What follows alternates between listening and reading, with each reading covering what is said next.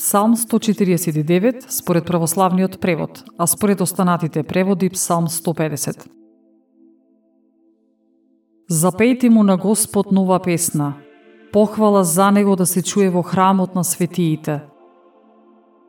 Нека се весели Израел на својот Создател, а синовите на Сион нека се радуваат на својот цар. Нека го фалат името Негово воро, со тимпани, со лири нека го слават. Зашто Господ го сака својот народ и ќе ги возвиши кротките спасувајки ги. Ке се развеселат светиите во слава, ке се зарадуваат врз леглата свој.